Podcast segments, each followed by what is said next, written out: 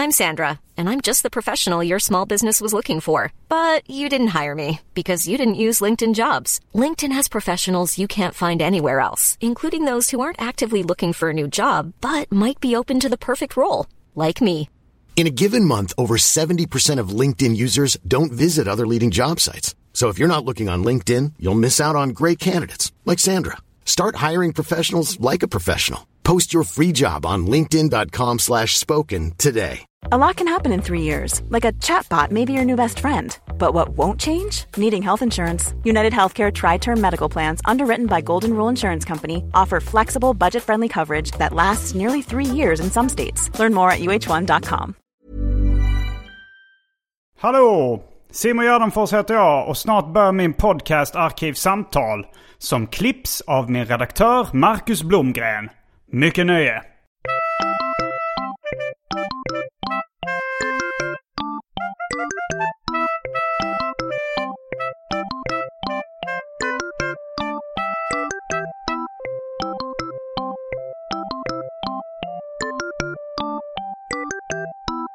Hej och välkomna till Arkivsamtal. Jag heter Simon Gärdenfors och mitt emot mig sitter Mats Johansson.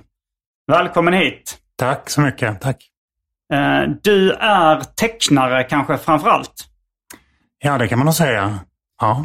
Eh, Jag eh, hörde nog talas om dig första gången men när jag kom in i, i tecknade serier och fanzinvärlden på 90-talet. Då, eh, då frågade jag eh, David Liljemark, serietecknaren som var liksom lite min mentor och sådär. Speciellt i början. Då frågade han om ve- vem han tyckte var den bästa tecknaren i Sverige. Och då sa han eh, Mats Johansson. Oh, wow. Och, eh, och då kollade jag upp, då hade du gjort ett fanzine som hette eh, 21st Century Man. Ja, det stämmer. Och jag tror jag kollade på det hemma hos David och det såg ju ganska experimentellt ut. Det var nog det. Jag har precis letat upp de gamla numren och hittade, bläddrade som hastigast igenom dem Mm. nyligt. Men just för dagen kunde jag bara hitta ett av dem. Eh, som jag tog med till dig. Men det, Mm. Det var kul att kolla. Det ska bli kul. att- Jag, jag tror inte jag har läst dem från pärm till pärm. Nej, alltså jag skulle nog recensera det som skåpmat från min, eh, mina tonår. Mm, 1986 står det någonstans här på Ja. baksidan, så det är ganska gammalt. Ja, för, för vissa är det gammalt. Mig, då gick jag väl i gymnasiet, högstadiet, gymnasiet. Mm. Vilket år är du född? 68. 68, så du är 10 år äldre än vad jag är. Ja. Och eh, var är du född någonstans? Här i Stockholm utanför, eh, i Farsta. Okej. Mm. För sen liksom när, jag väl, när väl det namnet hade fastnat på, i mitt minne, liksom Mats Johansson. Då när jag var kanske ja, men, i tonåren så började jag praktisera på en reklambyrå i Malmö. Jag hade lite idéer om, att- om att ge mig in i reklamsvängen. Nu blev det aldrig så förutom praktiken då. Men, men då såg mig ditt namn det började dyka upp också lite här och var, var liksom som illustratör. Du, alltså, det fanns sådana här böcker med liksom illustrationer. Och, eh, du var väl med och startade Acne också? Ja, men det till slut så blev det så att jag och några till startade Acne.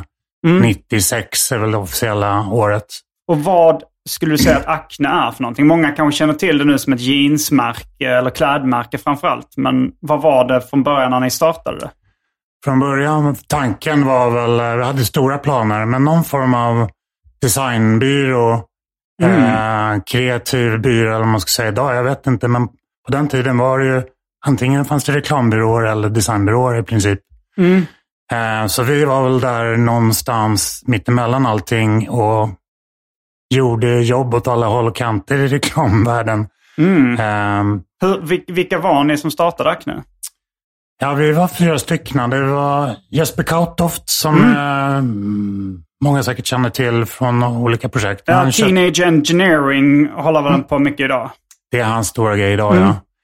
Eh, och sen var det Jonny Johansson som Mm. på den tiden jobbade på Diesel och idag kör han Acne Studios med bravur. Och det är klädmärket. Klädmärket Okej. Acne Studios. Mm. Och sen var det Thomas Skoging som var främst grafisk formgivare. Men eh, fortfarande kvar på Acnes reklamdel då, som fortfarande existerar i, med olika bolag. Hur stort är Acne idag egentligen? Ja, jag har ju knoppat av mig själv för några år sedan. Mitt lilla mm, leksaksakne. Och det Eh, heter Acne Junior eller? Numera heter det Acne Junior, ja. Det hette Acne Characters många år. Mm. Eh, och jag Var det liksom ett character system då som jag har talas om i Japan? och jag hade stora ambitioner. Mm. Eh, jag har alltid älskat olika former av kommersiella karaktärer. Mm. Jag med. Eh, karaktärer generellt, tecknade karaktärer och teck- tecknad film. Mm. Så för mig blev det en grej under Acne-åren. Eh, Då höll jag på, jag ville dra åt det hållet och jobba med karaktärskoncept. Mm. Ehm, och det hur, jag vet inte exakt hur, om det finns nischat inne i Japan och sådär, om det finns vissa ehm, Jo, men om man kommer till. Japan så snackar de om Sanrio var liksom framförallt då ett character system. Alltså de som Yes. har Hello Kitty och, och sådär. Så, och, men det var, det var ett koncept jag hade inte hört talas om innan när jag kom till Japan var character system. Att det är liksom ett, ett företag som bara tillhandahåller och skapar massa olika karaktärer. Som de sen kan sälja då till Eh, ja, men om man, de gör pennskrin eller kläder eller liksom vad som helst så har man då Hello Kitty-figuren eller Anpan-man eller vilka de nu... Det är inte en Sanrio-figur kanske men... Eh, men ja, alltså alla deras, de har liksom som en, vad säger man, rouster av figurer. Ja, men de licensierade, det var ju, det fanns, det fanns ju på den tiden såklart, det har funnits länge. I USA, om inte annat, just att man licensierar ut karaktärer från tecknad film eller, eller ehm, förpackningsvärlden. Jo, som Men då du- kanske det skapas liksom Marvel Comics, att figurerna eller någonting som skapas som tecknade serier först eller som tecknad filmfigur först och sen licensieras ut. Men där i Japan så verkar de liksom starta karaktärer som Hello Kitty var, hade ju inget innehåll till att Nej. börja med. Det var bara en karaktär som sen började dyka upp på prylar. Liksom. Eller så. Ja, men den, det var inte tanken med Acne Characters, utan jag gjorde alla möjliga typer av karaktärer till andra företag. Vi jobbade ju all, mm, många år och äh, Acne var ju egentligen äh, ett konsultföretag inom reklambranschen. Så att jag gjorde karaktärer och merchandising och animer, animation till kunder. Sen startade vi ett antal egna företag. Tanken var att med Acne eh, gå lite från konsultvärlden. Reklamvärlden. Vi vill göra egna produkter. Mm. Så vi tänkte att vi kan allt, trodde vi. Och det, det, man kan ju ganska mycket om man bara ger sig fanken på det. Så att, eh, vi hade olika inriktningar. Min inriktning var just leksaker och karaktärer. Vi startade ganska tidigt ett, ett koncept som var ett spelkoncept som heter NetBaby World. Ja men det kommer jag ihåg. Det var liksom annonser för det typ i Nöjesguiden och liknande grejer. Det, det blev jag extremt imponerad av som då tonåring. Tyckte det här var något av det coolaste jag någonsin sett. Och det var liksom också den typen av... Jag vet inte vad det var för program ni gjorde de illustrationerna i. Men det var en sån tidig 3D-grafik eller någonting. Ja, men det stämmer. Eh, jag är ingen bra på teknik, eh, så jag kommer inte ihåg. Eh, det var framförallt Jesper som gjorde mycket. Okej, han mycket- som gjorde dem. Ja, Och, eh, men, men, vad, så du, men du kan väl Illustrator och sådär? ja, jag, kan, ja, jag har jobbat i Illustrator Photoshop i, i sen uh, macken kom. Ja. Innan dess, jag startade ju innan, innan Acne så körde jag fem, sex år som frilansande illustratör på ett uh, ställe som heter Rithuset. Rithuset ja. Jo men det är kanske där jag såg då. De hade ju sådana böcker med liksom. Exakt. Som fanns på reklambyråer eh, med liksom exempel på deras illustratörer. Och det Ja. kanske var där jag såg dina grejer också. Ja, men det är mycket möjligt. Det var på den tiden, fanns det inga agenter och sånt. Nej. på, så det Nej. var, ju, det var ju liksom en pytteliten... Att konkurrera som illustratör var ju väldigt tacksamt på den tiden. Mm. Och man nådde ut. Speciellt om man hängde på ett ställe som Rithuset som hade redan haft 20 år på nacken och var känt. Okej, så det började långt innan du kom dit? Absolut, det har Mm. funnits 20 år. Det finns fortfarande, vilket är lite kul. Men eh, nu för tiden, eh, ja, så jag nådde ut med mina illustrationer ganska kvickt efter, Mm. efter att jag hade pluggat. Men de var ju väldigt bra också. Det var, det var ju ganska mycket så här inspirerat av eh, kanske 50-talsillustration i början. Eh, men gjort i Illustrator. Ja, jag tror att jag i princip kan jag säga de första åren var då jobbade jag inte med dator. Då hade inte jag råd med en Mac. Nähä. Jag tror att det kom, eh, Efter några år kunde jag börja med det. Eh, Från början målade jag gouache och då tecknade jag för hand och jobbade mycket här reprokamera för Mm. gamla farbröder och tanter som höll på på reklamsvängen. Förr gjorde man ju all sin repro själv. Mm. Men det är ett helt eget avsnitt. Ja, det, det kan Men- vi ta till det Patreon-exklusiva avsnittet om enbart repro. Så jag, blev, jag älskade ju, jag, jag var ju, eh, min resa från att göra mina fanzines, som man kan säga var en liten brygga, eh, när jag kom, gick reklamskola och, och, och um, Vilken skola gick du? gick på RMI-Bergs, Okej. som på den tiden hette reklam och illustration, Mm. hette utbildningen. Och du började där direkt efter gymnasiet eller? Ja, men jag hann väl göra lumpen ett år, Mm. men nej, jag gick också en förberedande sån här konstskola. Okej. Där Vil- man får lära sig då? måla krokier. Konstskolan i Stockholm tror jag den hette. Okej, ja. Den finns fortfarande också tror jag. Mm. Fantasifullt namn. Nej, men det var ju jäkligt bra för en sån som mig som bara hade suttit och glott ner i serietidningar. Och Mm. jag var nog inte ämnad att göra serier. Jag älskar ju serier men jag är, inte, jag är ingen serietecknare. Jag är något annat, förstod jag då. Så att få prova på det här med kroki, allt det där som sen ledde in till att sen upptäcka, komma in på skola och upptäcka andra illustratörer. För jag, Mm. jag visste liksom inte riktigt om att det fanns ett sånt yrke. Men vilka var dina liksom, tecknarfavoriter som barn och när du började liksom, teckna? När jag var barn då var det ju alla serier, framförallt franska, belgiska serier. Mm. De klassiska, Tintin och Franquin Gaston, alla de här. Mm. Eh, och sen betar man ju av alla, typ. Upp till liksom, Alla, Bernhard Prins, allt sånt där. Jag vet inte, det var inte så mycket. alltså var de här Carlsen Comics Exakt, eh, serie. sl- sladdriga seriealbumen. Liksom, eh, Seriealbum, Mm. inte... inte romaner. Och innan dess var det vanliga serieti- serietidningar, liksom, Mm. Stålpojken och sånt. Mm, ja. Var du var eh, Marvel DC-fan eller? Jag, vad? han, jag, var, jag tror jag var äldre som sagt. Mm. Det där hade nog inte riktigt kommit. Det kom ju liksom Stålpojken var ju. DC. Ja, ja. ja, Läderlappen. eh, Mm. Så det, förstår, det är väl DC-grejer. Ja, de köpte jag begagnade mest, Läderlappen och Mm. Eh, alltså på loppisar och sånt där. Ja, men sen upptäckte jag Tintin. Och jag Okej, började ja. liksom, det var väl det som sen kom tillbaks. När jag Mm. började förstå vad jag kanske var för typ av illustratör. När jag hade liksom lekt av mig några fanzines och testat Mm. telefonklotter åt olika håll och kanter. Ja, jag kan bläddra lite live i de här. Det, Ja. ja. det, det, det känns, är det bara du som har tecknat i det? Eller är det någon I annan? princip, det är någon mer. För det är ganska många olika stilar. Absolut, det är väl eh, inget gott tecken. Ja, det, det beror på vad man är ute efter. Det var ju, du lyckades ju ändå eh, imponera så mycket på David Liljemark att han sa att du var den bästa tecknaren i Sverige. ja, ja, men jag älskar David också. Har du träff, träffat honom Ja, tidigt? men jag, jag gjorde nu, jag vet att jag träffat honom en gång. Då kom Mm. han upp på kontoret på Acne. Okej. Och eh, jag vet inte om han hade något ärende eller om det var, var en trevlig fikastund bara. Jag kommer inte ihåg. Det kommer han säkert ihåg mycket bättre själv.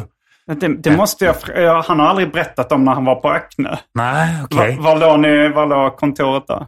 Det låg inne på en liten bakgata, Västmanstorg där. Mm.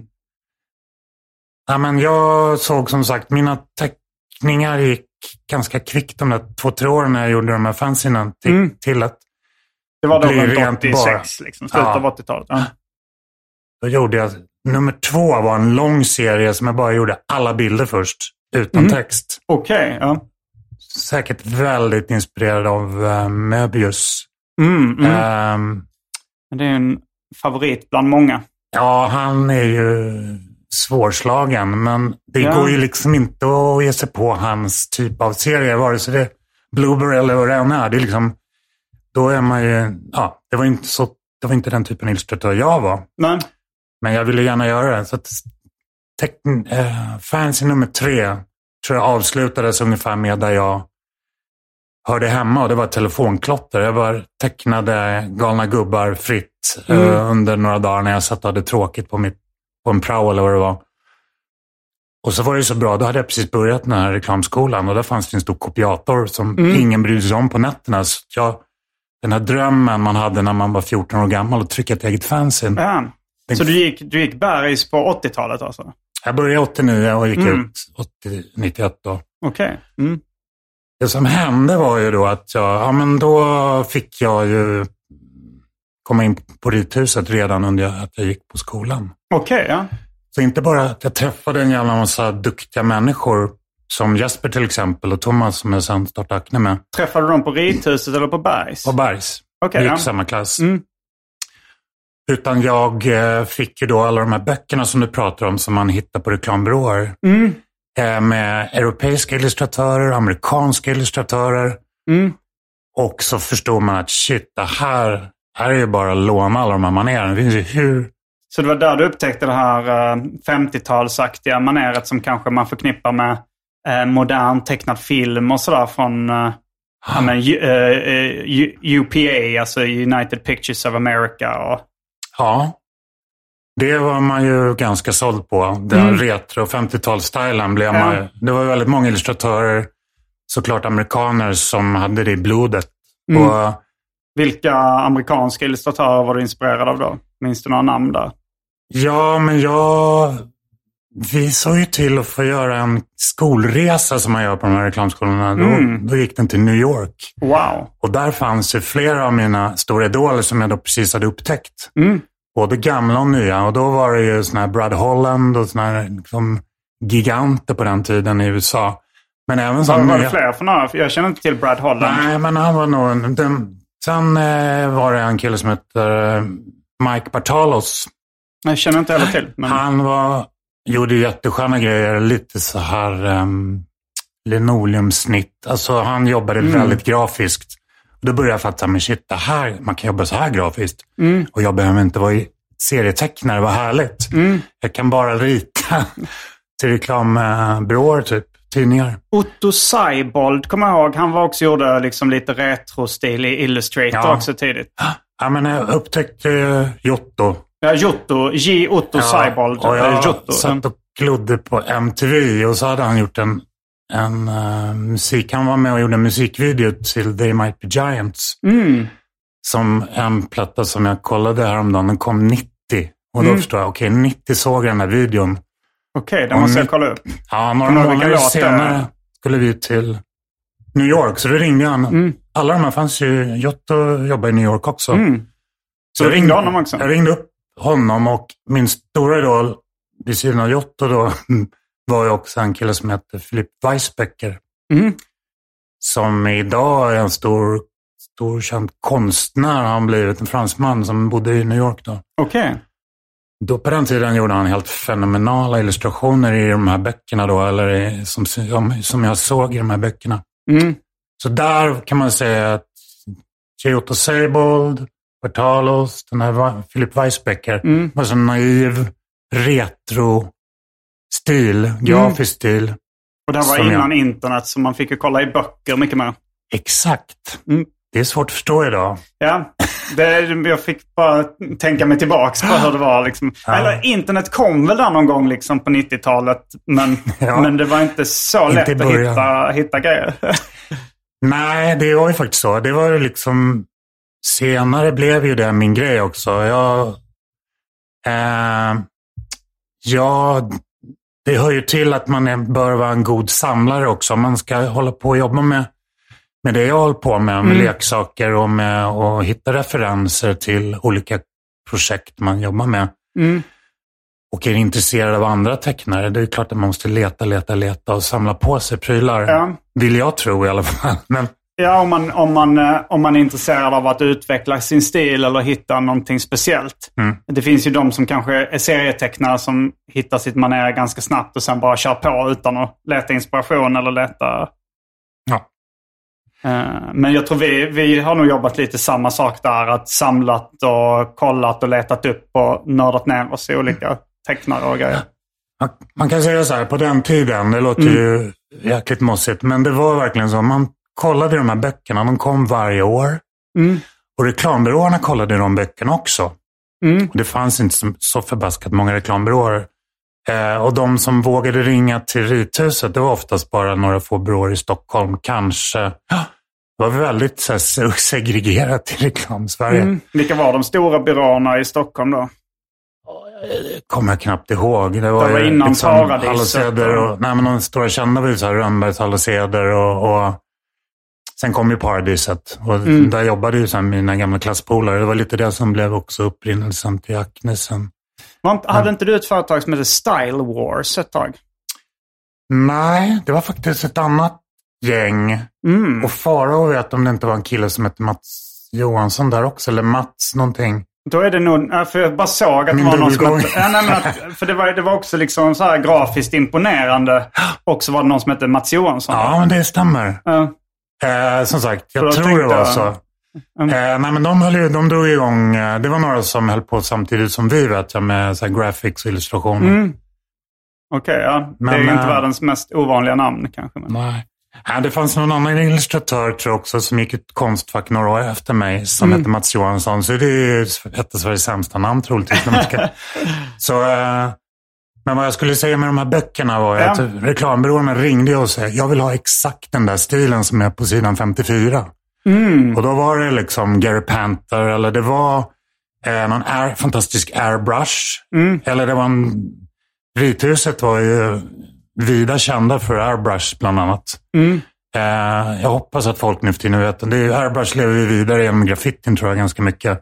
Att man, Ja, det är som en liten uh, spraymunstycke. Alltså en som spraypenna liksom. Ja, en spraypenna. Vilka, vilka grymma airbrushar fanns det på Rithuset då? På den Ja, men Micke och Stefan som drev det då och Mm. som fortfarande driver det. De eh, har ju, håller ju än idag på och gör samma typ av jobb. Gör de airbrush för hand fortfarande? Eller Ja, de vissa på... gånger gör de det. Men nu har ju datorn Mm. kommit ikapp. För några år sedan kom det väl ikapp med alla stora ritbord och Waconbord och allt vad det Mm. heter. Och 3D kom ikapp. Så du kan göra... Den kom ikapp vad? 3D, att göra en airbrush en bil i solnedgång Ja. var ganska överjävligt att få till. Mm. Det är ju typ bara japaner som klarar det. Men eh, Stefan och Micke var nära nog på den nivån och, göra gjorde just airbrush. airbrushade bil, Mm. bilar. Sådana här plåtningar som ehm, man gör liksom 3D-renderar idag. Mm. Eh, nu för tiden. Om man inte har världens största plånbok och kan plåta en solnedgång. Men sen måste du ändå fortshoppa i tre veckor efteråt antar jag. Ja. Så, ehm, nej men så var det. Då ville ju byråerna ha precis olika typer av maner. Mm. Och då fanns ju de här, min, de jag såg i de här böckerna som, det blev ju lite att låna deras manér, men också lära sig hur i helsike har de gjort. Mm. För det fanns en, Så du airbrush också på den tiden? jag airbrushade faktiskt Mm. ganska mycket, bara för att det var så, på det viset var ju ett ställe som Rithuset fantastiskt, för att de, allt fanns ju där. Alla pennor, alla maskiner, alla airbrush, all teknik. Förutom att datorn inte hade kommit då riktigt. Mm. Och eh, det fanns en stor, deras stora idol var ju Drew Struzan, heter han. Han gjorde alla Steven Spielbergs och George Lucas eh, filmaffischer. Mm. Ja. Så i den världen var han ju det, eh, liksom giganten och deras stora... Den stilen efterapade de och gör fortfarande idag. Så när Mm. PG... Vad heter han?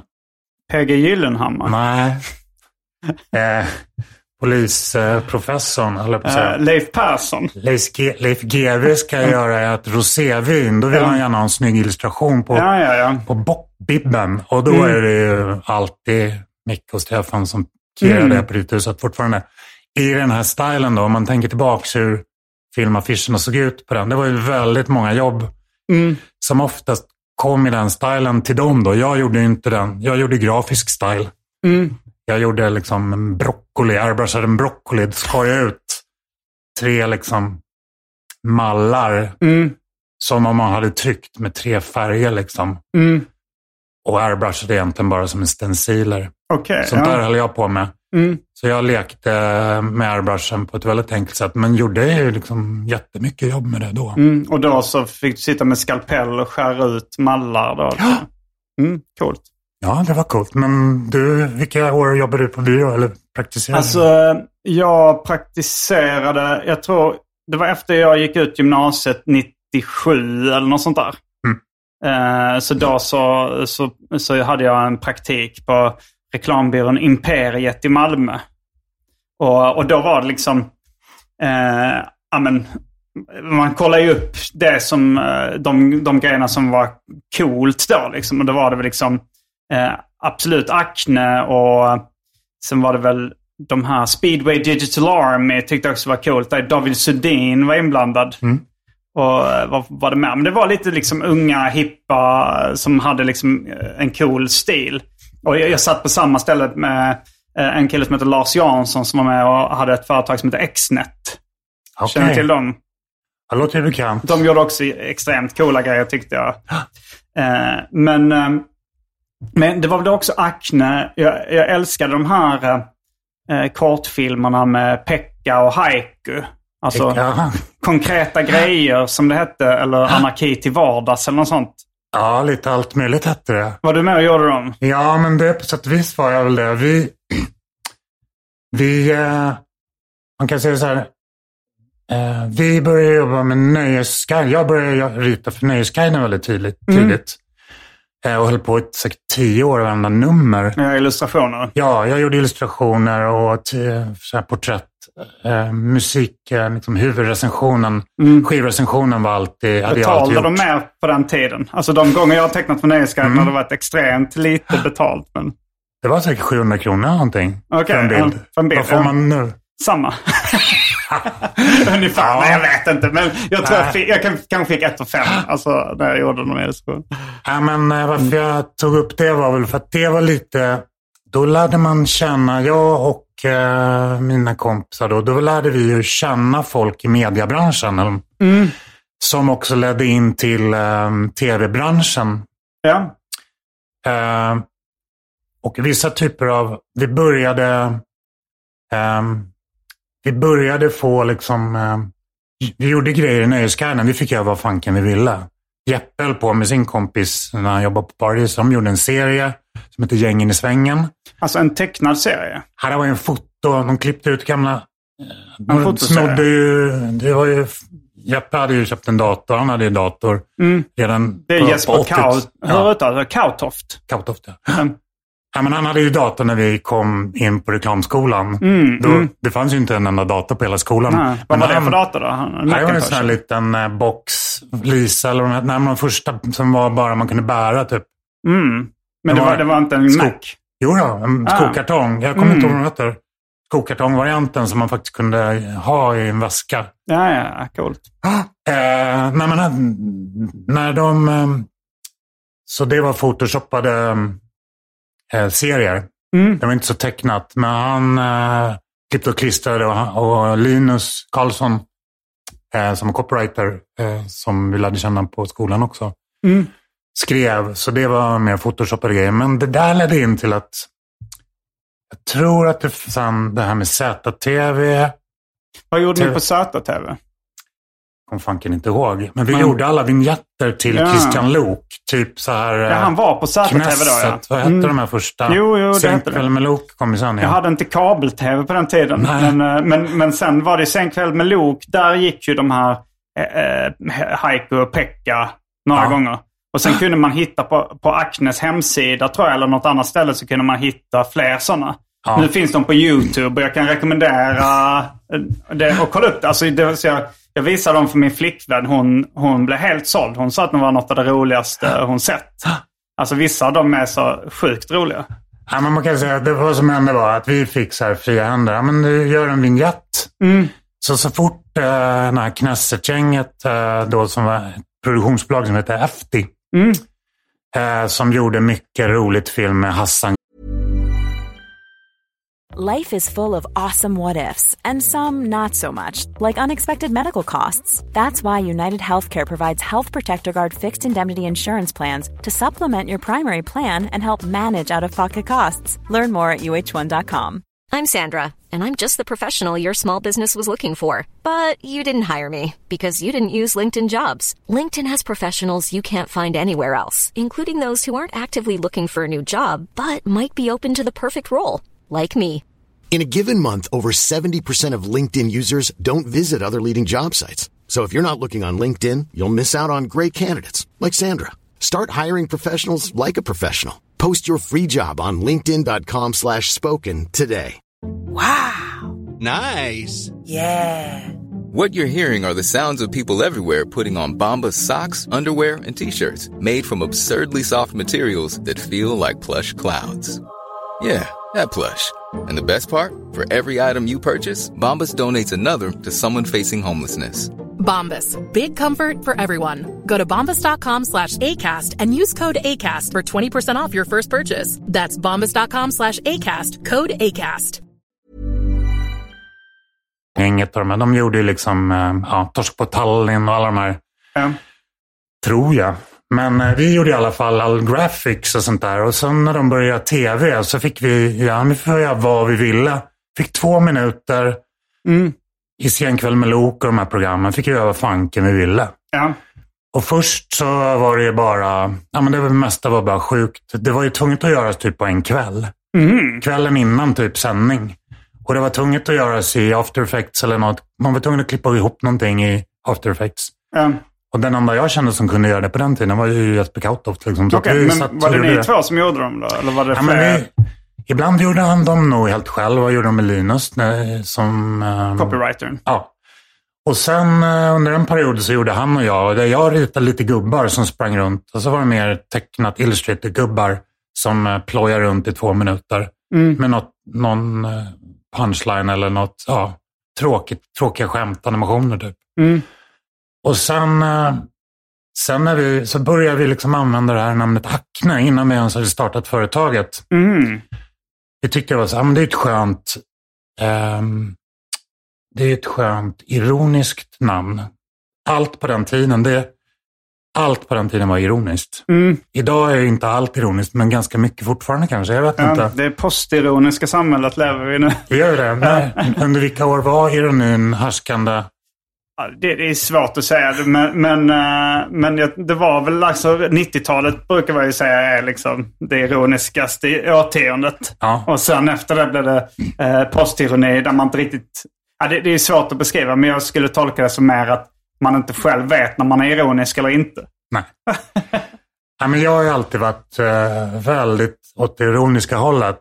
Eh, till mångas förtret. Och jag vet själv inte. Jag har svårt att se skillnaden när man är vanlig och ironisk. Men det passade ju väldigt bra in i en värld när man, man kunde göra vad fanken man ville på TV4 på bästa sändningstid. Så vi, när vi tog det, Frans och Heiko gjorde vi bara, vi, tog några fula gubbar Just som det, vi, Frans och Heiko. Jag sa Pekka och Heiko. Ja, Pekka var en annan figur som eh, var med i NetBaby-världen. Mm, ja. Vår NetBaby-värld var ju ett, ett gamingkoncept som vi jobbade med några år. Så det, Var det online-spel då? Eller vad var det? Ja, det var ju det.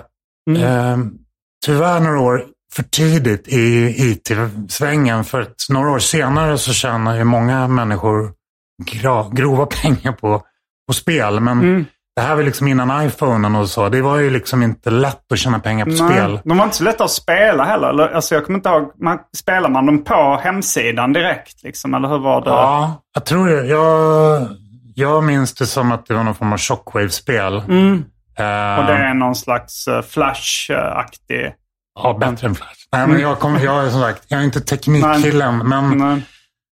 eh, vi slog oss till och med ihop med ett spelföretag som hette Game Design vill jag minnas. Och eh, de var ju galet tekniska och vi startade mm. NetBabe World tillsammans med dem. De hade släppt ett spel till Playstation till och med. Och eh, då föddes det här företaget och de Då föddes företaget NetBaby World. NetBaby World. Ja. okej. Det, men ni kallar er Acne då också? Förlåt? Ni kallar er Acne då också va? Ja, Acne var ju hem, hälftenägare eller man skulle säga. En del i... att- Men hade ni startat Acne som bolag då? Liksom? Ja, men det hade vi gjort några år tidigare. Mm. Och då var, då var det ni, var det fyra personer som startade Acne? Ja, men då var vi fyra pers. Och det var då vi gjorde de här tv-grejerna. det var du, eh, Jesper Kautoft, var det Linus Karlsson?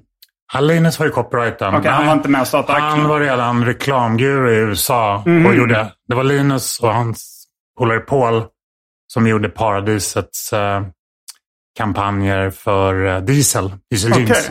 Mm. Så de blev ju eh, efter några år på Paradiset så försvann de till USA och England och USA. Mm. Och idag är de, eh, som sagt, ja men de blev ju hotshots där va? Ja. Men blev inte... Alltså jag, jag tänker...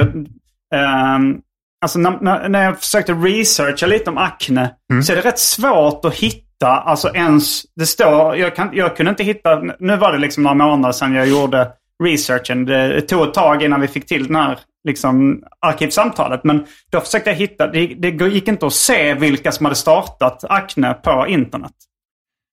Nej, ja, men det, dels är det väl för att det har gått så lång tid och dels är det för att det splittades upp i så många små bolag. Eh, Eh, vi, Men liksom inte ens Wikipedia-sidan för Acne så står det vilka som har grundat Nej. det. Liksom, eller... Nej, och det är väl också lite för att de som driver idag inte är så jävla intresserade av, av det historien. De är Nej. intresserade av det kreativa som gjordes. Men, nej, men de har Vilka inte... är det som driver det idag då? ja, men, idag som jag förstår det... Är du jag, sagt- delägare fortfarande? Nej, jag är inte delägare. Jag knoppade av mig själv av olika anledningar för säg tio år sedan. Mm. Och, är då... Uh, Acne Junior är ju fortfarande ett, eh, ett av dotterbolagen som Mm. jag... Och det är det jag tog med mig. Så jag gör ju fortfarande Acne-grejer. Mm. Men då gör jag leksaker nästan bara. Ja. Eh, så det är, sam, det är en, en del av den gamla koncernen. Mm. Men i övrigt idag som jag förstår det så är det eh, två stora delar. Det är Acne Studios och det är Acne AB, Acne reklamdelen kan man säga. Mm. Och de har blivit uppköpta sedan flera år tillbaks, båda de. Det, Acne Studios är ju eh, till hälften i alla fall ägt av kinesiska företag, investmentföretag. Och, Mm. och Acne reklambyrån ägs av Deloitte Touche. Jag vet Mm. knappt vad det är. Det är väl en stor... Eh, Ja, det, är, det är ju stort. eh, alltså Acne, det blev ju en stor, en stor grej liksom. Det var, var det inte då Kanye West som gick upp på Acne och ville praktisera där någon gång också? Det finns någon sån Ja. story. jag hade anställt Kanye, men eh, Johnny eh, tyckte inte han passade på Acne. Nej, var det han som sa att uh, hans skisser såg ut en bebis som hade ritat en teckning? Eller något sånt där. Ett barn som hade ritat en teckning. Något sånt har jag för mig. Var det Johnny som sa det? Jag tror han... eh, Och han var en av dem som du startade tillsammans Ja, precis. Förutom Jeppe var det Jonny och Thomas då. Thomas. Thomas Skoging. Och vad, vad gjorde han? Ja, men Thomas var ju då, gick i våran eh, klassen över oss i Mm. eh, mm, år två. Eh, vi lärde känna honom på skolan och han var ju grafisk formgivare, typograf. Mm, mm. Så han eh, började innan, eh, de första åren innan vi bestämde oss för att dra igång Acne så körde han några år som i främst och gjorde skivomslag. Mm. Och eh, jobbade med Ricky Tillblad som eh, Ja, honom är också en, en kille som jag eh, har eh, haft på min radar Mm. som jag tycker är imponerande. Ja, han är väldigt, väldigt imponerande. Ja, Haffa honom. jag borde intervjua honom också. Det har jag faktiskt Ja. funderat på. Men han är mest fotograf idag va? Precis, han, för några år sedan flyttade han till Gotland och började plåta av helt fantastiska Ja, bilder. jag har sett det. Imponerande som Ja. fotograf också. Men som grafisk formgivare, jag kommer ihåg, jag bara såg någon, vad hette hans företag? Någonting med plus? Inte A plus eller F plus? F plus. F plus, ja. Ja, det stämmer. För jag Någonting jag bara plus. såg liksom, kanske någon sån här brainpool-omslag som jag tyckte var snyggt. Så stod det Ja. F plus och sen Ja. såg man liksom någon just det-omslag. Så var det samma, samma företag. Och sen såg jag några också i någon sån reklambok. Jag vet inte vad de här hette. De här liksom illustrationsböckerna som skickades ut eh, till reklambyrån. Men så Mm. såg jag hans sida där och det var också extremt imponerande. Det var också lite så här cartooniga, japansk-inspirerade små figurer och sånt där som var skitsnyggt alltså. Ja, men jag vet att Ricky eh, snodde Thomas från skolan. För Mm. att Thomas var en grym typograf. Och så han började göra skivomslag med Ricky. Okej, ja. Och de, Ja. Så det var de som var F plus då? Eller, eller vad det nu Ja, hette? det låter bekant att det var F+. Men Mm. eh, som sagt, det var de två som körde det. Eh, och, ehm, och gjorde mycket av de snygga skivomslagen. Ja. Så det var väl lite det som eh, man kan säga blev en bra mix. När jag och Jeppe och Thomas och Jonny som kommer då från modevärlden mer. Mm, han gick inte på Bergs också, Johnny? då, Eller? Nej, han var helt eh, självlärd tror jag. Han, Okej. eh, Så ni var tre från Bergs och en och Johnny? Och sen Jonny som Mm. vi lärde känna då via, via Diesel Jeans som var en, där han jobbade och som var en kund till, till eh, reklambyrån eh, Paradiset. Mm. Som några av dina kompisar börjar jobba på. Ja, Jeppe, Jeppe Ja, jobbade ju mm. där tillsammans med då Linus till exempel. Så det där blev en sån mix när, när vi kände att ja, men alla, vi hade jobbat på reklambyrå eller med reklam några Mm. år. Fem år tyckte jag jättelänge då. Blev ni rika då? För den tiden var fanns det extremt mycket pengar i reklamvärlden. Det kanske det fortfarande finns. Men jag tänkte Ja. ni var ju, alltså du berättade om de som blev hotshots. Men ni måste väl ändå varit någon form av hotshots i Sverige liksom? Alltså vi ju- vet jag inte om vi blir rika, men däremot vi gjorde ju en grej. Varför vi startade Acne var ju för att vi ville göra någonting med pengar. Eh, vi förstår man kunde tjäna pengar på att göra en reklamfilm eller eh, Mm. ett spel eller en förpackningsdesign eller Ja. annonser. Och, men vi ville använda de pengarna till att göra prylar. Mm. Så det var egentligen idén med Acne. Vi ville starta ett bolag där vi kunde ta liksom, konsultpengar och pumpa in det i, en, i produkter. Alltså som en plastfigur eller menar du? Som, ja men precis, då började vi titta runt. Vilka grejer vill vi göra? Jag ville göra leksaker till exempel. Det var min stora dröm. Ja.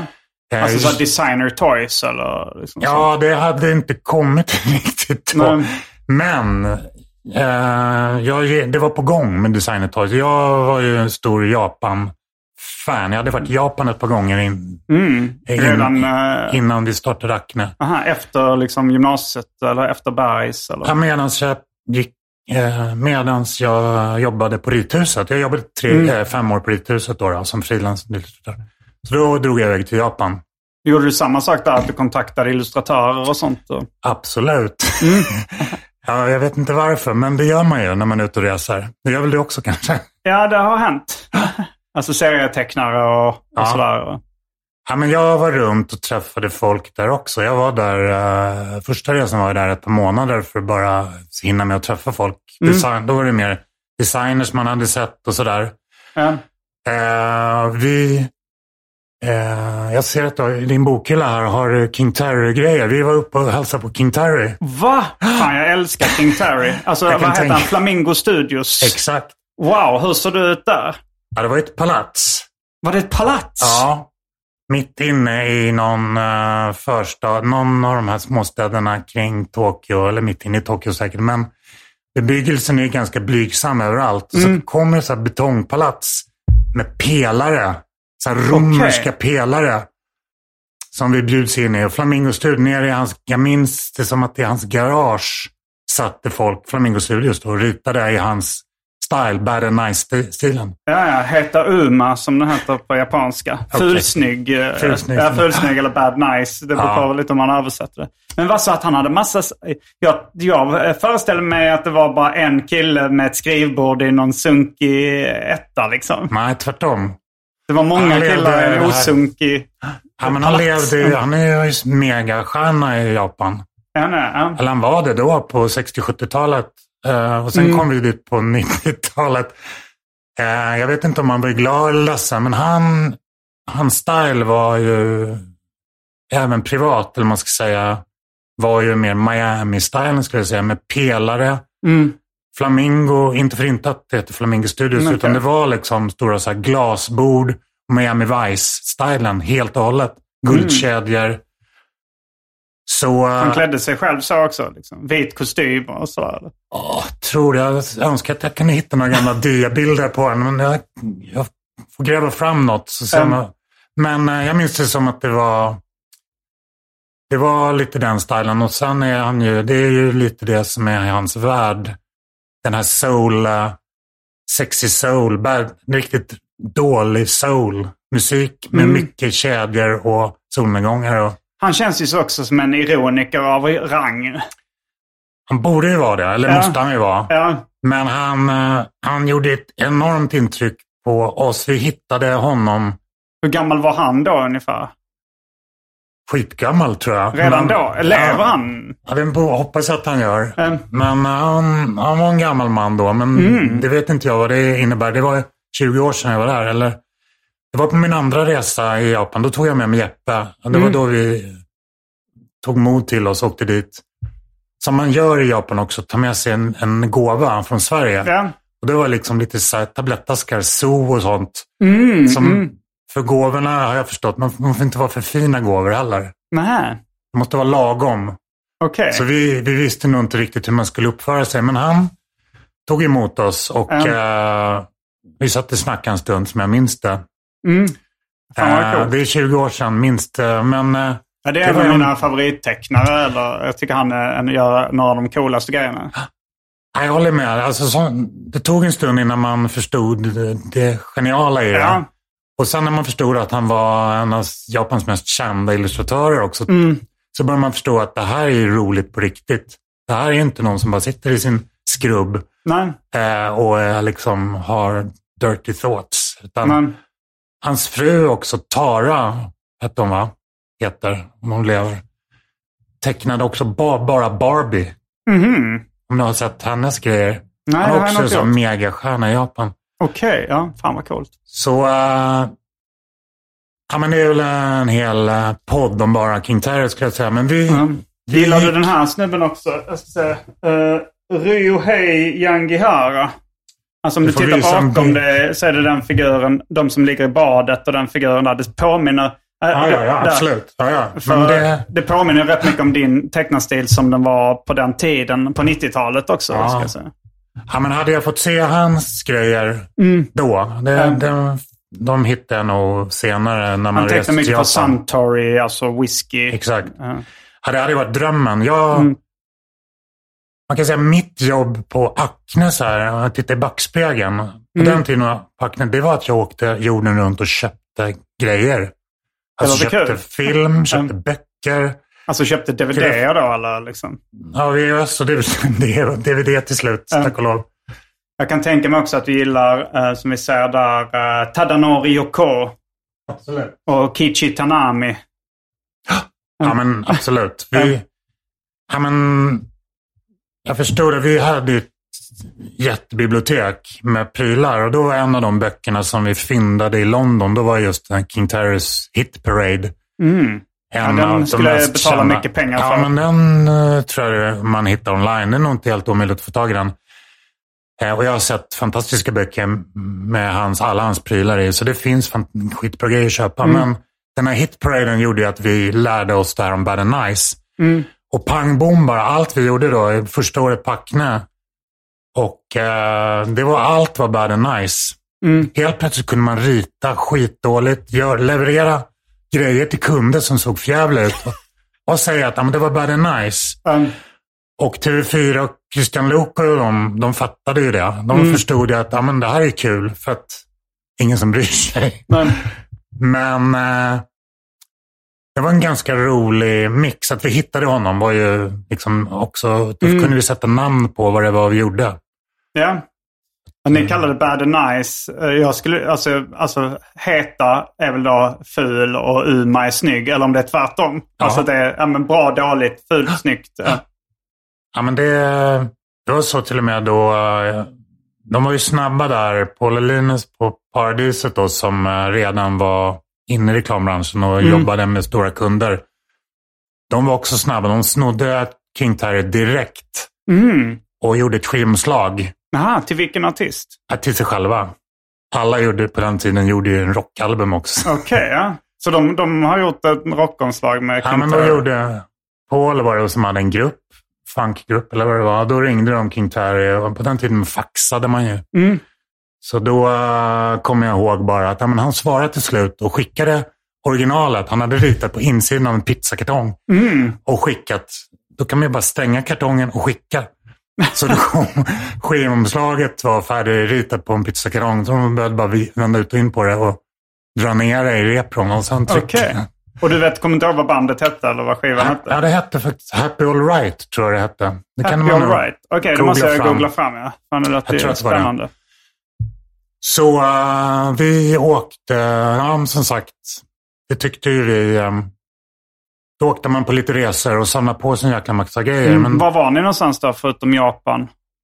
ja, men vi var ju runt i Europa. Vi var i USA några vändor, Mm. eh, Hongkong och sådär. Men det var ju Japan. Jag såg ju till att få åka till Japan så ofta som möjligt. Mm. Vi, när vi sen några år senare drog igång vårt spelföretag, då, det här NetBaby World, då åkte vi till Japan för just för att göra merchandise. Mm. och snackade med olika företag. Så eh, jag vet att du gillar Devil Robots med Tofu. Eh, ja, Devil Tofu. Robots, Tofu Yaku. Där var jag faktiskt på studiebesök Mm, i med, Japan. jag med. Ja, det, var också. ja, det, här, det här blev väldigt nördigt. Jag tror det är väldigt få andra som eh, känner till eller känner någon form av entusiasm för de här namnen som vi nämner nu. Ja, men kolla upp på nät. Ja, nej men eh, ja, för de var, ju- de var coola. Alltså Devil Robots och har du också, du samlar du på dig Tofu och Yaku-gubbar också då? Ja, men jag gjorde det lite grann. Mm. Jag hitt, som sagt, idag försökte jag gräva och hitta mitt, mina gamla fanzines. Då Mm. grävde jag fram några sådana här Devil Robots-grejer. Så att de kanske du vill köpa. Mm. du kan få dem. Ja, fan vad schysst.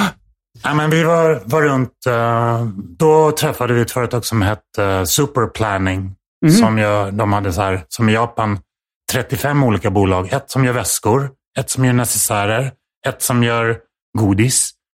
Och så hade de en karaktär som hette Mr. Friendly, tror jag, som var en, bara en, en travestering på någon, som om det var en amerikansk eh, 50-talskaraktär.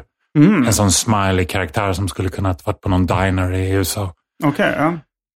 Så de, vi, det var en hårsmån från att min dröm, gick i uppfyllelse, att vi fick ihop liksom ett spelkoncept och började göra merchandising där i Japan. Mm, mm. För eh, som sagt, de som vi teamade upp oss, de här programmerarna Ja. som vi teamade ihop oss de gjorde en egen spelmotor. Det var jäkligt, jäkligt bra ambitiöst. Eh, och eh, men det blev ju väldigt mycket Japan-influenser av den anledningen. Mm. Eh, Men vad hände då? Var- Varför blev det inte av? nej, men sen kom ju IT-bubblan sprack. Just det, det gjorde den där någon gång eh, eh, 99 typ. Eller vad det nu var. Exakt. Mm. Då hade vi tagit in pengar från alla möjliga kändisar i, i IT-världen och i, Mm. så, eh, och gjorde, vi gjorde det tillsammans med Micke och Aje som startade Nöjesguiden. Vem? Micke Marlow och Aje Ljungberg. Okej. Som, eh, de, deras ehm, stora baby var väl framförallt Nöjesguiden. Jag startade Nöjesguiden När i startades Malmö. Nöjesguiden? Var det på 90-talet? Jag tror att det var 80-talet. där, eller 80-tal. i- Mm, mm. Jag tror att den startades i Malmö. Okej, ja. Borde du veta. Va? Ja, jag, jag bodde i Hjärup då och så flyttade vi till Lund och då började jag jobba på Monitor som var liksom mejeriets nöjestidning som var lite en konkurrent till Aha. Nöjesguiden. Eh, Men jag hade ju koll på Nöjesguiden också. Ja. Då, men, men där började jag teckna och det var där jag lärde känna David Liljemark och eh, Martin Fredriksson som numera heter Martin Lexelius som du vet vem det, vem det är. Nej. Nej. Borde, borde jag veta. Eh, låter känd. Ögrar Comics. Känner du till. Ögrar Comics? Ja, men jag har lämnat comicsvärlden Ja, okej, lite. Mm. eh, där i slutet av 80-talet. Han har gjort typsnittet Malmö Sans. Det låter ju fantastiskt. Ja, men utan att bli allt för nernördad i de Nej, här jag tycker vi ska unna oss att bli allt för nernördade om vi vill. Liksom. Ja, men jag var ju också uh, spöklikt eh, lik mycket. Jag har ju kikat på din podd och ser Mm. att det finns ju många som eh, poddar om, om tv-spel också. ja. Jag var ett stort Nintendo-fan Mm. eh, och lite som jag tror du också när eh, det orangea Donkey Kong kom Ja. så sket man ju på sig. Det var ju liksom, Mm. Det förändrades ju livet. Ja. Så när jag var i Japan första gången, då cyklade jag, åkte jag till Kyoto och cyklade till Nintendos högkvarter. Mhm, mm. För att inse att i Japan har ju man ju semester en dag om året. ja. Så Nintendo är stängt en dag om året. Okej. ja. Och det var den dagen jag kom fy dit. fan vad stört. Så jag stod utanför Ja. och var ganska nöjd med det i alla fall. Mm. Jag, Men, gjorde, eh, jag gjorde ungefär samma sak eh, när jag var i Zagreb och åkte till Zagreb Films. Alltså de som gjorde Professor Baltasar. Ah. Som jag kan tänka mig att du också tycker är snyggt. Jävligt snyggt. Men då var jag där också eh, och tog mig ut dit och så hade kontoret semesterstängt när jag väl kom dit. Ja, men vi får åka dit en annan gång. Ja. Jag åker gärna i Zagreb. Ja, men Baltasar är ju det en sån här licens, på tal om det, som jag drömde i början av. Tänkte så här, den ingen jäkel som kollar på Professor Baltasar. Men sen dök han ju upp. Och i DVD-världen, sen fanns han ju igen. Mm. Eh, Det fanns ju en bar här i Stockholm på Söder som hette Baltasar bar som hade karaktären Baltasar. Mm. Förmodligen olagligt. den finns fortfarande här. Jag gick förbi den på vägen hit. Ja, men de har inte karaktären Jo. kvar va? Har de det? Den satt till nyligen, om de inte skrapar bort den Okej, nu ja. under corona, så den satt för Mm, några månader mm. sedan. Ja, men det gillar man ju. Ja. När någon stjäl karaktärer. Men man, alla former av karaktärer är ju bra. Men jag skulle säga med det här med, med spelen. Det ledde in, också att vi gjorde en stor spe, tv-spelsutställning. Stor och stor ska jag inte säga, men det var i alla fall på eh, lekmuseum, leksaksmuseet. här i, på Mariatorget. Mm. Så vi samlade på oss en jäkla massa tv-spel i Japan. Åkte dit och köpte Game Watch och grejer. Och, ehm, och sen ringde vi upp Sega och Sony och Nintendo och fick låna in en massa grejer. Mm. Som vi gjorde en utställning med, 97 tror jag det var. Var är leksaksmuseet? Ligger det här vid Mariatorget alltså? Ja, men det låg ju där tills för 15 år sedan Ja, kanske. det är det. För jag tänkte väl att det inte ligger kvar Nej. här. Nu ligger det eh, lite längre ut. Ja, men sen flyttade det till spårvagnshallarna och nu har de rivit spårvagnshallarna. Så sen tror jag han som ägde alla leksaker sålde det. Eller, det finns ett leksaksmuseum på Skeppsholmen. Mm. Toy Museum eller vad det heter. Som jag tror är stora delar av den samlingen. Mm, jag får åka dit. Jag jag har varit där när det var på de vagnhallarna, eller vad det hette. Mm. Men, eh, ja, men fortsätt. Det var bara jag tänkte när du sa, "Va, har jag missat att det finns ett leksaksmuseum här ett stenkast från där jag bor? Men det gör det inte längre. Alltså. Nej, det gör inte det längre. Eh, nej, men då hade vi den utställningen och eh, de bad att få behålla grejerna. Men det, vi ville behålla grejerna själva. Mm. Och fick skicka tillbaka det mesta. Förutom Nintendo, Bergsala var jättesnälla. De lät oss behålla alla grejer. Mm. Men sen var det någon skön knarkare som bröt sig in i våra källare Mm. på Acne och tog alla sådana här laserbazookas och grejer. Eh, så att den finns, samlingen finns inte kvar så mycket Ja, längre. fan vad störigt. Förutom att, ja, Jag Vill- träffade dig förresten på Degeberg samlarmarknad för eh, några dagar sedan. Eh, det var, det, vi hade bokat in den här podden då, men sen så, så eh, gick jag ner. Min pappa kommer därifrån. Så liksom min farmors hus är kvar där, så jag brukar hänga på Degeberg samlarmarknad. Så bara gick jag ner dit i år och så... eh, du, jag, jag känner inte igen, igen dig då, men du kände igen mig. Bara så, ah. Och så började vi Ja. snacka då. Och då berättade du om att du hade slutat samla. Eller slutat köpa grejer. Ja, ja, men inte frivilligt. Alltså motvilligt har jag slutat. Som sagt, jag, min samlaridentitet har jag ju kunnat använda under alla de här åren som, som du märker. Genom att köpa leksaker, köpa böcker, köpa film, köpa skivor. You name it. Så, eh, sen fyllde jag 50 för några år sedan. Mm. Och så sa det liksom bara, då ja, kom man in i någon form av åldersvägg, tyvärr alltså. Jag gjorde det i alla fall. Och det här samlandet upphörde, intresset för allt det här. Mm. Så jag stannade upp och började så här klia mig i huvudet och titta på ändå en träviking med så här rosa fuskpäls på Degeberga marknad. Och kände att den där hade jag ju köpt lätt här för några år sedan. Ja. Den hade jag köpt utan att blinka. Mm. Eller någon gammal Kokeshi-docka liksom. Eller någon Vad var det för förpackning. Kokeshi? Någon japansk sån här docka. Okej. Och ehm, då upptäckte jag att nej, men jag, ja, jag, kan inte, alltså, jag kan inte förmå mig att köpa mer grejer. Du, du var hade en liten- tappat lusten för Det var det? någon liten sån här jävel på axeln som började prata med Mm. mig. Innan dess var jag en glad, tokig, liksom 49-årig kille som sprang runt och, och köpte på mig leksaker. Eh, Öppnade till och med, för tio år sedan öppnade jag till och med en leksaksaffär för att jag visste inte vad jag skulle ta vägen. mm. Så, Var eh, låg den någonstans? Han ligger fortfarande uppe vid Mosebacka i Stockholm på Hökens gata. Så den hette Acne Junior i början. Mm. Som var lite egna leksaker som jag hade gjort. Eh, eller jag började, som sagt, redan innan jag lämnade Acne började jag göra leksaker där. Mm. Jag tänkte min dröm var egentligen att ha en leksaksaffär. På Mm. samma sätt som tanken med hela Acne var att gå från att göra konsultjobba till att göra produkter till att ha en egen butik. Vilket vi Mm. gjorde, kan man ju säga då, med Acne Jeans. Just det. Att vi gick liksom hela resan. Och min dröm var ju att ha, göra leksaker och en leksaksaffär. Mm. Så det, har du, där hamnade jag. Ja.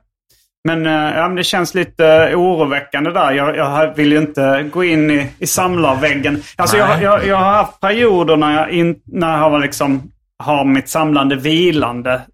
Och det har varit, alltså jag, känner när, när de perioder jag har varit singel så tycker jag att det känns för patetiskt att liksom att lägga så mycket tid och pengar och energi på att samla liksom, på godisförpackningar och plastfigurer. För då känner jag mig som en sån förlorare. Liksom. Men när jag är i ett förhållande då känner jag att ah, nu, nu kan jag unna mig att göra det. För då, då känns det som att ja, det, det, det känns så tragiskt, liksom blicken utanför den här ensamma mannen som, som samlar tycker jag. Men uh, så, så det är mitt enda... Uh, men det är klart jag har ju kvar samlingarna så jag Ja. slänger inte dem. Men bara, jag lägger lite mindre tid på det då för att, det, för att jag får en sån tragisk yttre blick på mig själv. Liksom.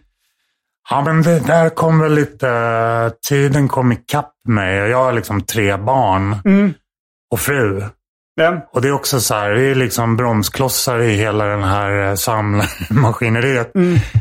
Tills den dag som kom ganska nyligen när jag packade upp 14 kartonglådor med Nintendo-prylar Mm. och mina gamla hiphop-tolvor.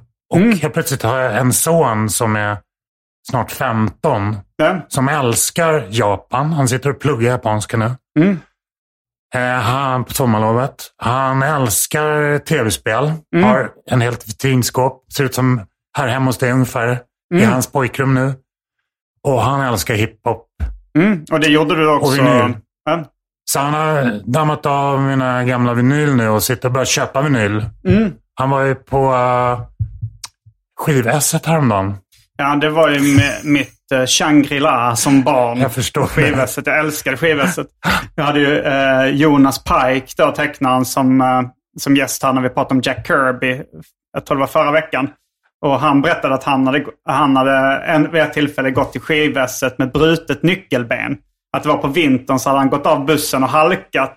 Eh, och hade liksom haft så fruktansvärt ont. Men han gick ändå till skivvässet. Alltså de säljer mest begagnade serietidningar och skivor och, och sådär. Så, eh, det, men jag kommer ihåg när min morfar eh, tog mig och och min brorsa dit. Det var verkligen en, en drömvärld. Liksom. Att det var så billigt också. Man kunde köpa serietidningar för en krona styck. Och så kunde man hitta grejer man samlade på. Ja, men jag var på skiv-esset första gången förra veckan. Mm, Okej. Jag är stockholmare som sagt, Mm. men numera gift med en Malmö-tjej. Eh, men att få gå i den miljön som skulle ha kunnat vara en miljö jag gick i när jag var 14 Mm. med sin 14-åriga son. Ja. Det kan du se, det har du något att se fram emot Simon. För då kan man helt plötsligt, då vänder allting. Mm. Så nu ska vi åka till Japan, eh, hela familjen. Ah, när då? Ja, men nästa år blir det väl. För corona Mm. har ju fortfarande ett hårt grepp om eh, Japan tror jag. Jag ska försöka åka dit i, i januari också. Mm. Men se hur, för nu, ja, nu har de inte riktigt öppnat 100%. Man måste ha typ en, en guide med sig och, Okej. ja. och sådär eh, om man, om man Nej, ska men, åka dit nu. eh, jag tänkte ta med barnen. Nu har vi liksom pumpat dem i Japan och allt Mm. under många års tid. Så att jag har japanfierat ett av mina barn. Mm. Och som sagt, hela min samling av Nintendo och ehm, skivor har jag nu donerat till honom. Mm, Fast jag kommer ta tillbaka den någon, någon vacker dag. Fast, men sen har jag stora samlingar som barnen aldrig kommer vilja ha, tror jag. Jag, jag tror inte, för att de andra barnen är intresserade av sport och sånt. Okej, ja. Och då är de här eh, trävikingar och sånt från Danmark, det kommer liksom aldrig hamna hos någon. Nej, kanske inte. Så de kommer jag hålla på med själv, tror jag. Mm. Det är sånt som jag gör i min butik. Vi gör dessutom workshops nu. Mm. Så jag har kombinerat hela barna-grejen har jag liksom sytt ihop med, med leksakerna. Så nu bjuder jag in barnfamiljer att vara med och göra Mm. leksaker. Ja. I, eh, så nu heter inte butiken bara Acne Junior utan den heter även Junior Workshop. Mm. Men du, eh, hänger du där i butiken mycket om dagarna? Ja, men nu för tiden är jag väl där en dag i veckan är det öppet. Okej, Så då, mm. torsdagar brukar det vara. Då kan man komma dit och se hur jag ser Mm. ut. Ja, men det får jag göra. Eh, övrig tid är det mer att jag är, eh, som sagt eh, preppar för workshops eller sorterar gamla japanska tidningar eller vad det nu är. Mm. Eh, gör sånt som min fru aldrig kan förstå sig på vad, vad någonsin jag gjorde den dagen eller de dagarna. Är inte hon i samma bransch? Hon är i samma bransch men hon jobbar mycket mer professionellt. Mm. Är hon tecknare också? Hon är grafisk formgivare och jobbar på designbyrå här i Stockholm. Okej. Så att- ja. Så vi, eh, vi har ju kunnat jobba ihop med vissa saker, men hon har tack och lov ett riktigt jobb. Mm. Som Men- grafisk formgivare? Ja. ja, det, jag skulle nog säga att du, du har ett riktigt jobb också. Fast jag har ingen, jag har ingen arbetsgivare, jag har ingen lön. Men tjänar du inte pengar på det? Ja, men det kan man ju göra i, i liksom, eh, mer i eh, stötvis. Mm. Eh, så har det ju varit i många år att jag gör vissa koncept som är lite större. Oftast karaktärer då, att man föder en karaktär och sen gör man merchandise. Mm. Eh, och sen jobbar man med den kanske ett år eller två år eller flera år. Så det var liksom mina drömjobb Mm. och det är det jag har levt på de senaste åren. Och Du har levt på att sälja, eller nej, men någon kommer när för till mig och säger, men hallå, kolla den här GB-gubben ser ju för taskig ut. Mm. Kan vi ju rita om den? Så Ja. det var en gång. Eller Harry Boy till exempel. Kom, Ja. Ja, den har jag ju sett för taskig ut rätt länge. Den såg för taskig ut i 20 år. Sen gjorde jag och min kollega om honom. Nu är han alla åtminstone gjord i 3D. Mm. Vem är din kollega? Jonas eh, Kärn heter han som jag Mm. jobbade med då på Acne. Eh, Men det här är tio år sedan vi gjorde Mm. Harry Boy. Ja, Så att Jonas, eh, idag jobbar jag ju själv oftast. Mm. Men blev du, inte- blev inte ekonomiskt oberoende när du sålde din del i Acne? Då? Nej, så tack lov höll jag på att säga. Nej, men, Ja, det är frågan om det hade varit bra eller dåligt. nej, men någonstans valde jag, eh, eh, av någon jävla anledning valde jag liksom den här kreativa banan och att få göra leksaker. Mm. Eh, jag lämnade Acne och tog de pengarna jag fick med mig, Mm. investerade jag i att att göra leksaker. Mm. Och eh, det var inte mer, så jävla mycket mer pengar än så. Att jag kan liksom, ja men jag bor skitbra. Mm. Både i Stockholm och i Skåne liksom på somrarna. Du bor här i, på Södermalm också? Ja. Mm. Eh, nära vår butik. Så att jag, men det är inte så att jag fick med mig en jättebunt med pengar som jag kan spendera resten av livet. Nej, Tyvärr. du kan inte ha ett palats som King Terry. Nej, och inga sådana här, inga som ritar åt mig nere i källaren. Liksom. Nej. Det är väl det enda dilemmat med illustrationsyrket, att det är väldigt mycket handarbete. Mm. Det är tid. Det går liksom inte att eh, eh, tjäna så mycket mer pengar än den tiden kan lägga ner. Om du inte gör en karaktär, i Mm. bästa fall, som licensieras som Hello Kitty. Mm. Men där har jag inte, dit har jag inte riktigt nått. Så vi försökte ju med, som sagt, med det här spelkonceptet. Mm. Det var någon karaktär som hette Slacker där också va? Ja. Som jag vill minnas. Och jag Ja, men- lite olika. Och ja Pekka. var, man kan säga att uh, Jesper Kautoff då ritade alla de där karaktärerna. Han, Mm. han, eh, mitt jobb i den, i den tiden och i det konceptet var att göra merchandise, vilket Mm. jag var jättenöjd med. Och gå runt på leksaksmässor, åka till Japan och försöka deala till olika merchandise eh, eh, deals. Jag kom på en grej. Eh, Jag, blev, jag har varit så himla entusiastisk under det här avsnittet så vi har glömt det omåttligt populära inslaget Välj drycken. Ja, jag är skittörstig.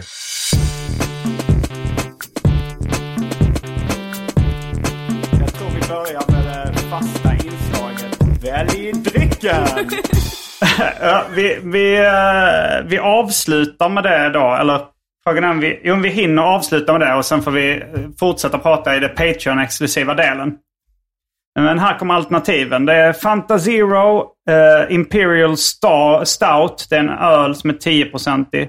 Trocadero Zero, Zero. Whisky, rom, vodka, Malibu, eh, Dry Martini, Cognac, Amarula Cream, Grand Marnier, Gin. Eh, det finns vitt vin av märket René Berbier. Sen finns det häxblandningen, det vill säga alla drycker som fanns i min kyl innan ni genomgick en så kallad corporate rebranding. Och för tråkmånsar och nejsägare, vatten. Ja, jag tar en dry martini. Om Ja, det... fan vad kul. Då uh, ska vi se om det finns tillräckligt mycket för mig också. Men det får bli en liten, det får bli Europas eh, sämsta cliffhanger inför det Patreon-exklusiva avsnittet.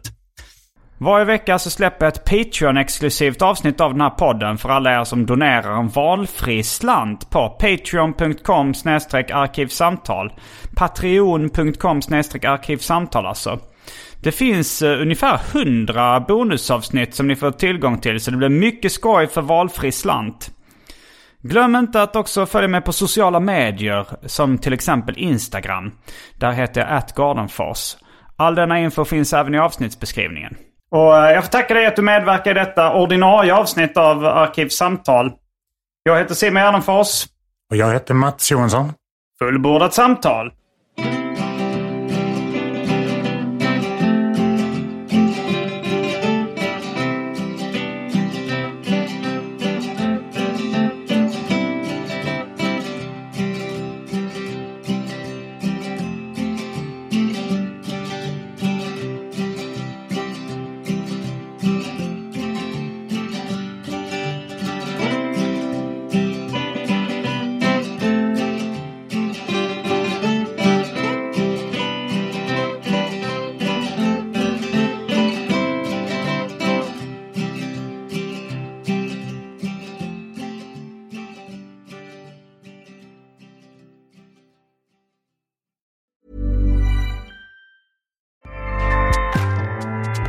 ACAST powers the world's best podcasts. Here's a show that we recommend.